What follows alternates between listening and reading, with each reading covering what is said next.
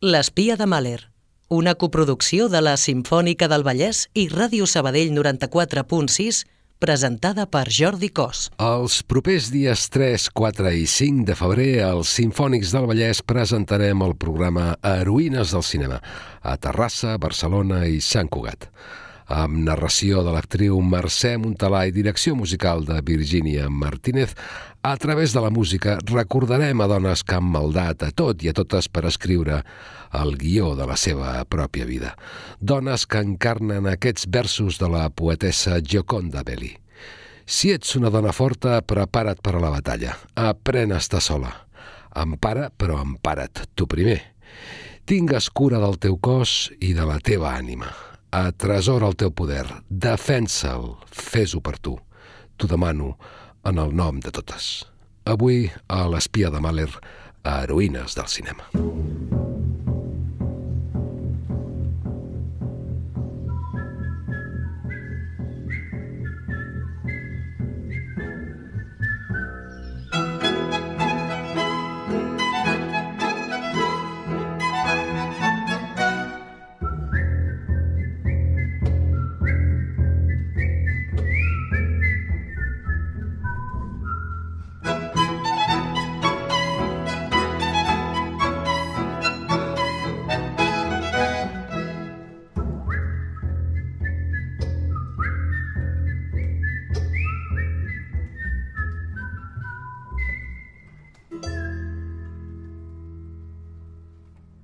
Les primeres dones de la història que eren lliures, cultes i independents van ser torturades i cremades a la foguera.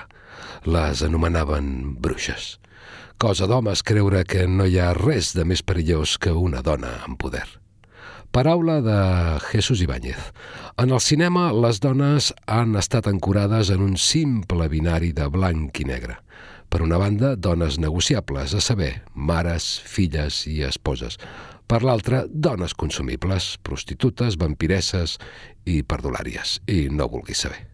De la pel·lícula Les bruixes de Eastwick, eh, una partitura composta per un àngel de la música de cinema, John Williams, la dansa del diable. Thank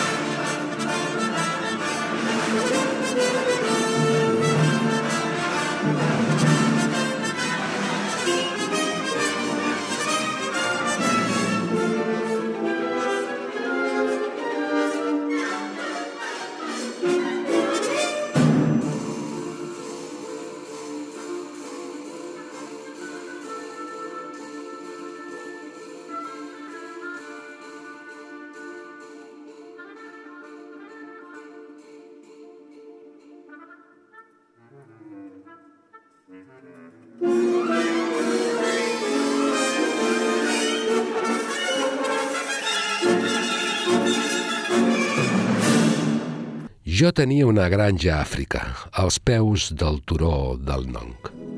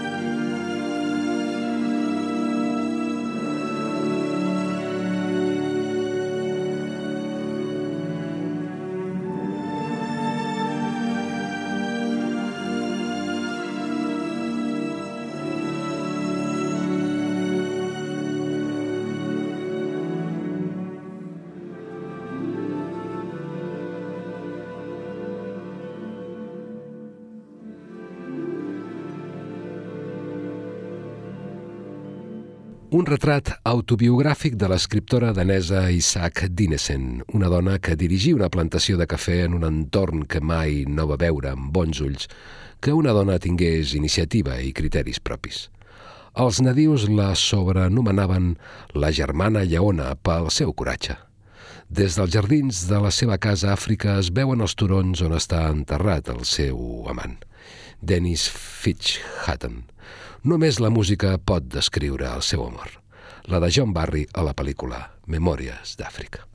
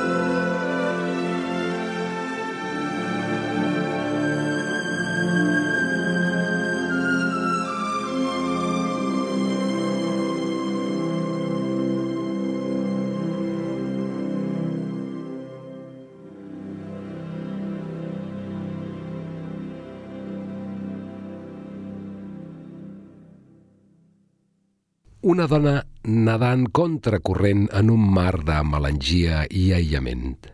Conrea el gust pels petits plers, enfonsar la mà en un sac de llegums, trencar el caramel cremat de la crema catalana amb la cullereta i fer rebotar les pedres a l'aigua. Amélie omple la seva solitud ajudant els altres, però no sap ajudar-se a si mateixa perquè encara no ha trobat la resposta a una gran pregunta. La felicitat és una sensació o una decisió?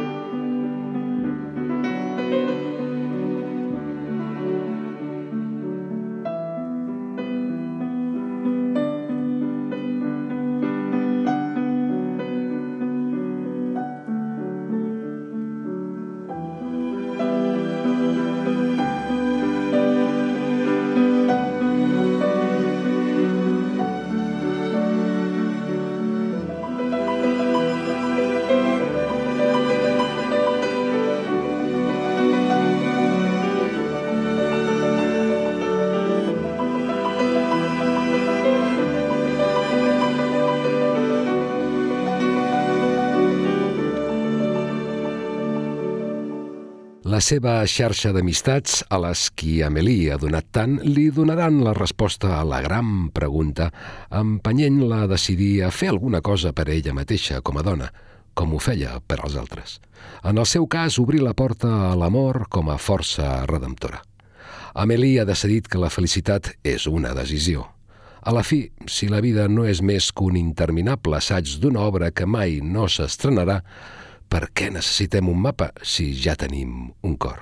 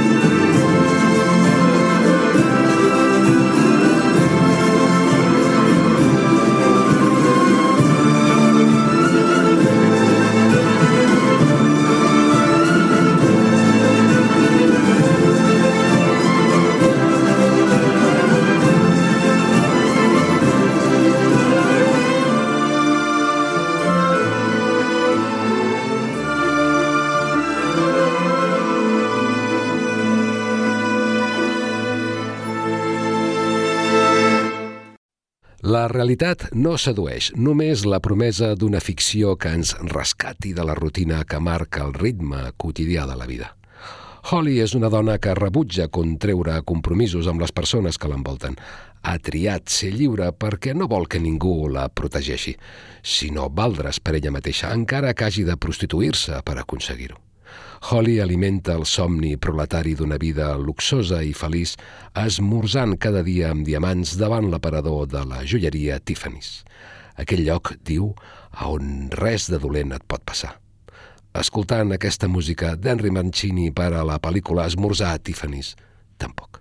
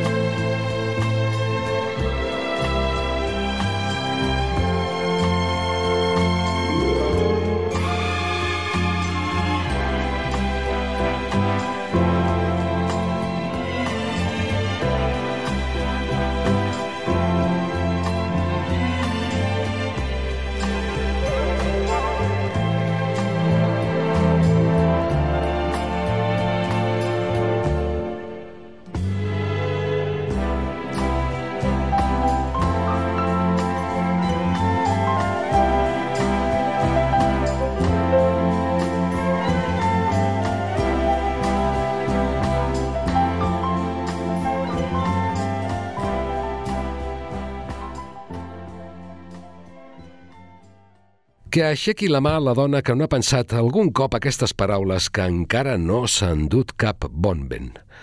Estic cansada de dir ets meravellós a homes que són idiotes i que no tenen la meitat de la intel·ligència que jo tinc. Tanca cometes. Recordem un ataronjat capvespre en Tecnicolor quan la senyorita Escarlata decidirà agafar les regnes de la seva vida amb una frase impresa a foc rogent en el gran llibre de la història del cinema. Encara que hagi de matar, enganyar o robar, a Déu poso per testimoni que mai més no tornaré a passar a gana i tota la resta que se l'endugui el vent d'aquesta partitura d'un dels pares de la música de cinema, Max Steiner.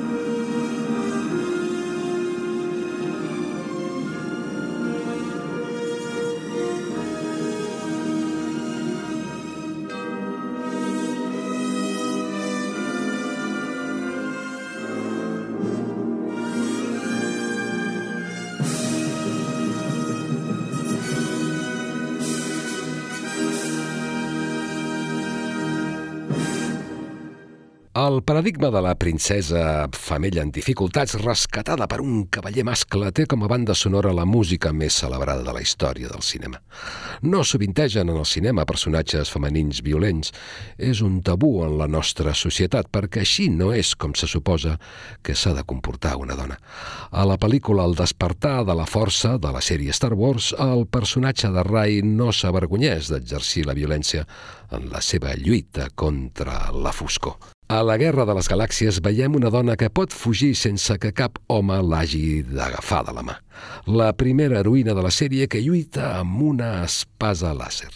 Paraula de J.J. Abrams, director d'aquest episodi de la Guerra de les Galàxies, el despertar de la força. Diu Abrams, la Guerra de les Galàxies sempre ha estat una cosa de nois, una pel·lícula que veuen els pares amb els seus fills. Des del despertar de la força espero que pugui ser una pel·lícula a la qual les mares també poden dur a les seves filles. Acabeu de sentir la força d'aquesta música del gran John Williams, La guerra de les galàxies, el despertar de la força.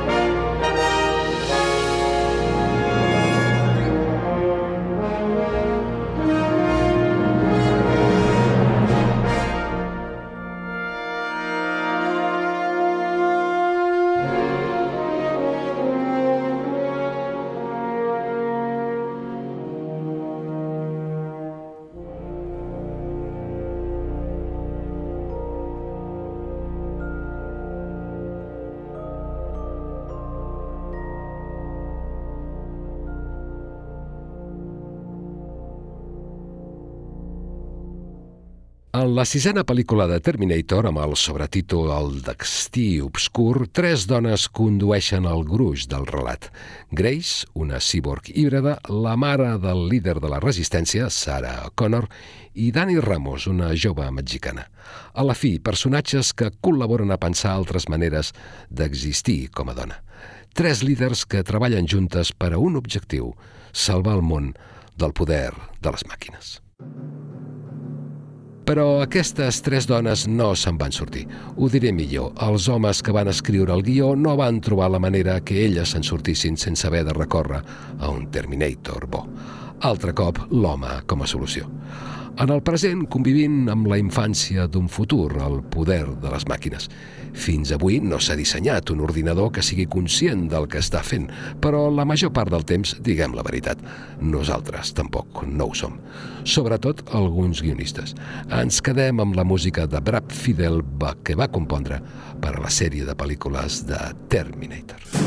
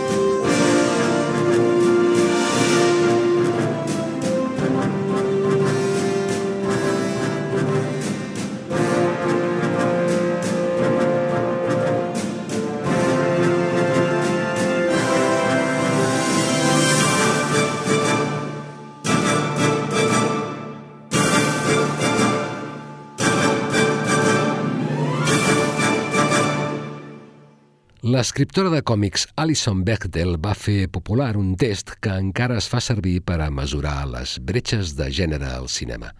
Les pel·lícules passen el test quan 1. Apareixen almenys dos personatges femenins amb nom. 2.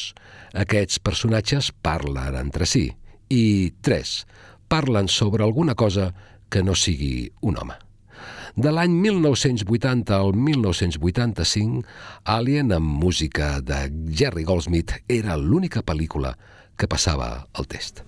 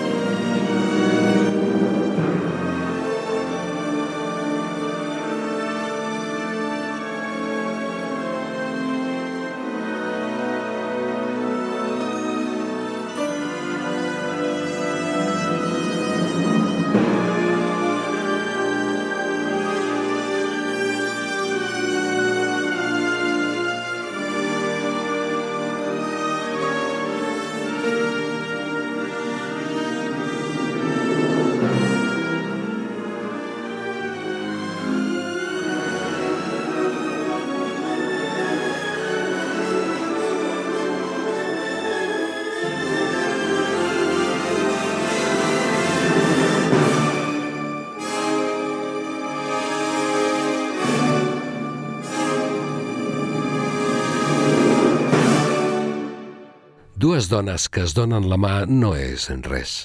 Una mestressa de casa submisa a un marit masclista i una cambrera atrapada en una existència monòtona sense futur. Lluitant contra el destí, conduiran el seu cotxe rosa fins al final de la vida. No volen ser víctimes. Han escollit volar cap a l'infinit agafades de la mà i en la música de Hans Zimmer perquè ja saben el que és la llibertat. Dues dones que es donen la mà ho és tot. Els seus noms de pel·lícula, Thelma i Louise.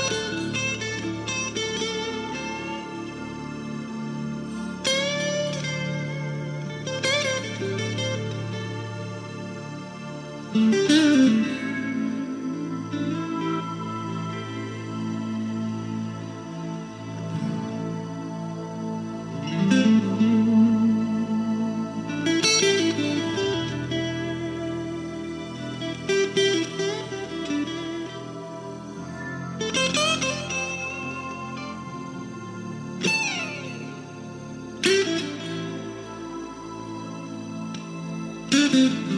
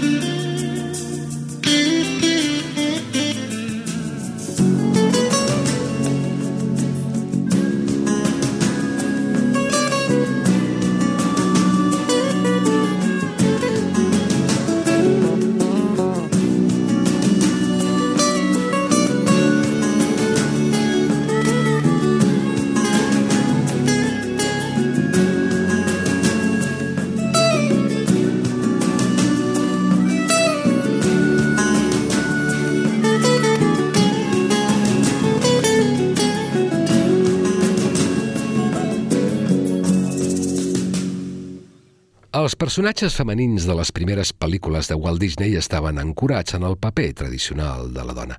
Recordem Blancaneus, una gata moixa fent de minyona de set homes de poca alçada i menys llums, la vella dorment, amb la consciència fent nones esperant un príncep blau que l'espavili amb un petó. No cregueu que amb el pas del temps Disney hagi canviat massa de parer. Wendy, Pocahontas, la Sireneta sempre han estat a l'ombra d'un mascle salvador. El cas és que Disney només associava la imatge d'una dona independent a la maldat. La madrastra, Correla de Vil, malèfica... Hi ha una excepció. L'única vegada que Walt Disney presenta una dona independent que no és ni negociable ni consumible una dona que pren les seves pròpies decisions sense haver de retre comptes, decideix el que vol fer amb la seva vida i no hi ha res ni ningú que l'espanti. I a més, li devem una paraula súper, càlida, fràgil, mística, especial i melodiosa que també la defineix com a persona. Una paraula màgica. Supercalifragilisticospialidoso. Amb música dels germans Richard i Robert Sherman, dit en curt, Mary Poppins.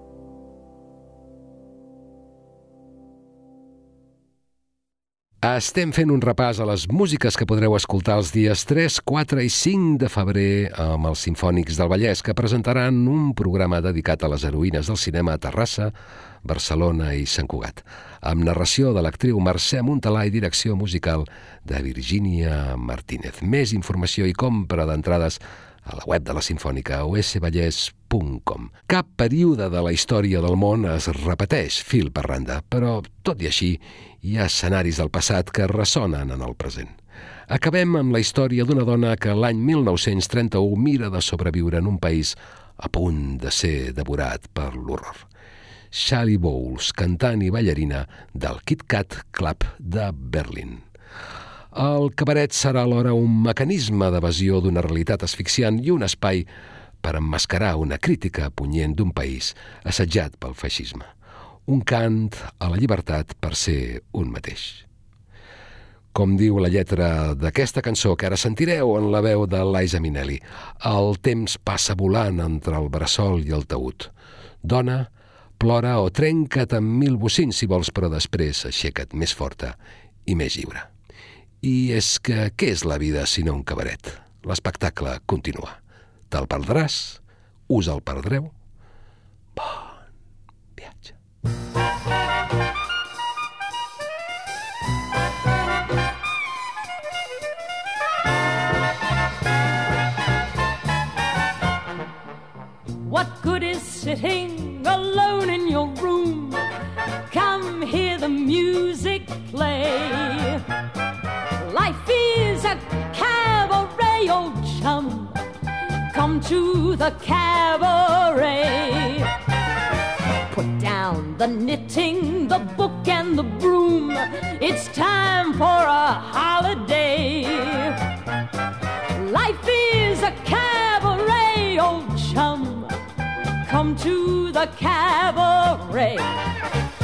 Taste the wine.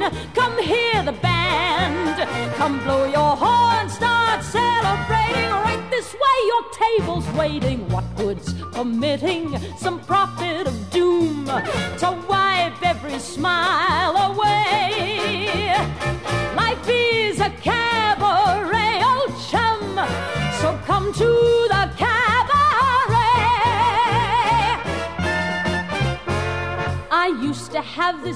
girlfriend known as Elsie, with whom I shared four sordid rooms in Chelsea.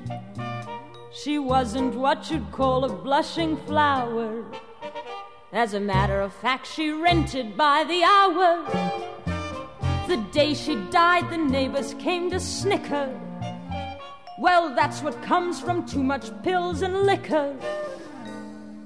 But when I saw her laid out like a queen, she was the happiest corpse I'd ever seen. I think of Elsie to this very day.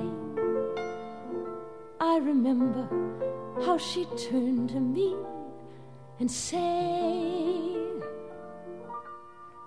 What good is sitting all alone in your room? Come, hear the music play. Life is a cabaret, old chum. Come to the cabaret.